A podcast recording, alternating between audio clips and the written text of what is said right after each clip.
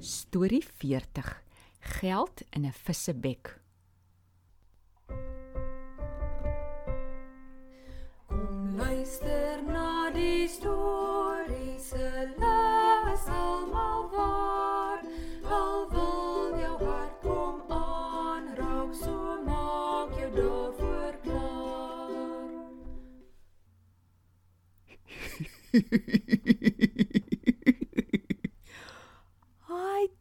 Tobias, en as jy vandag so lekker lag.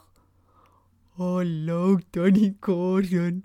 Oi, ek lag nou so lekker tringy ladde hondjie dat sy eie stert jaag.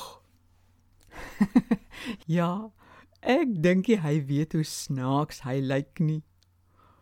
Tannie, ek wonder of Jesus ook snaakse stories vertel het en so lekker gelag het.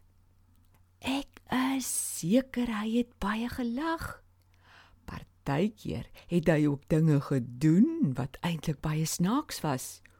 Soos dat Tannie vertel bietjie. Mm, wat sal ek nou vertel? O, ek weet. Die storie van die tempelbelasting. O, oh, ag nee. Die lasting klink nie verngui snaaks nie. Julle groot mense sug en kla gewoonlik oor die lasting. Ja, jy's reg. En ek is seker in Jesus se tyd het hulle ook maar gekla daaroor. Maar die storie het 'n snaakse kinkel. Eendag kom Jesus en sy disippels in die groot dorp Kapernaum aan. Klink my, hulle het ook net daar aangekom toe kom die mense wat gewoonlik die tempelbelasting invorder na Petrus toe. Hulle vra hom toe 'n vraag wat eintlik vir Jesus bedoel was. Hulle vra hom: "Kyk hier Petrus, daai leermeester van jou, Jesus, betaal hy dan nie tempelbelasting nie, hè? Huh?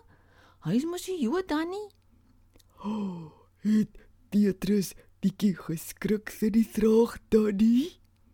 Die Bybel vertel nie eintlik hoe Petrus gevoel het nie, maar ek dink hy het nogal geskrik.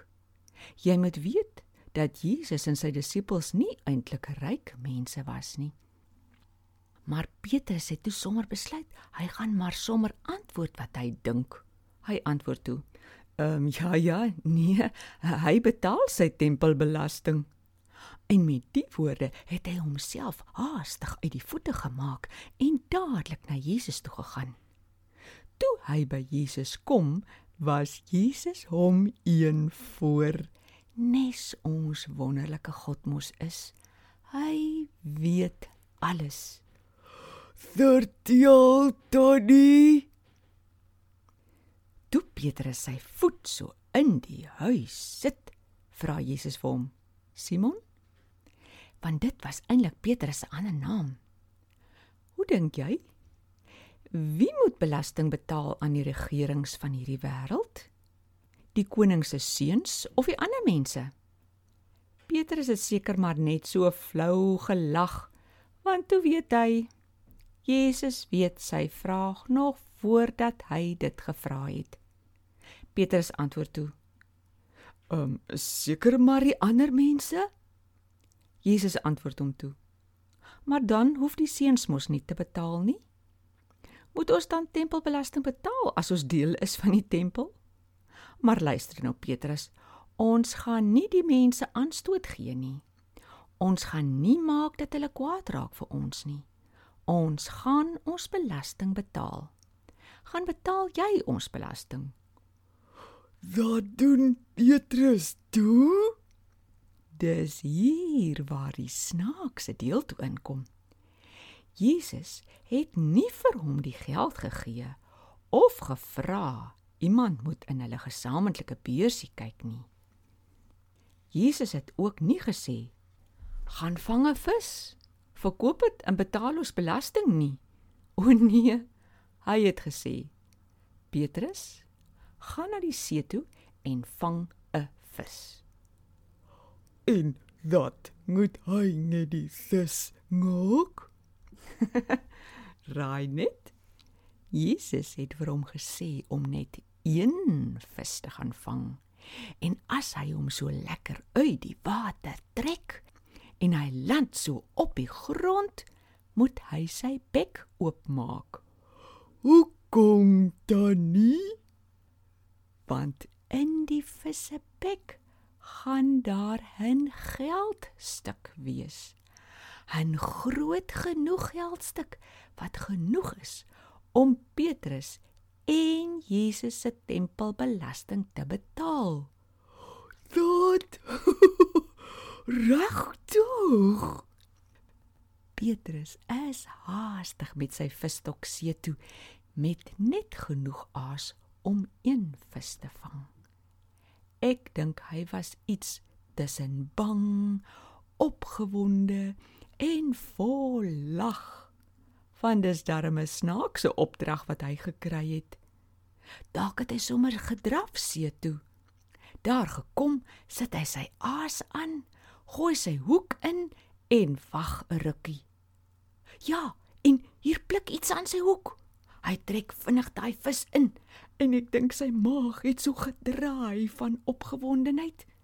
Hy wou kyk of dit gaan wees soos Jesus gesê het. Hy gryp daai vis baie vinnig toe dit op die grond land en ek dink hy het toe begin lag. Daar's die geldstuk daarin. Ja, Tobias.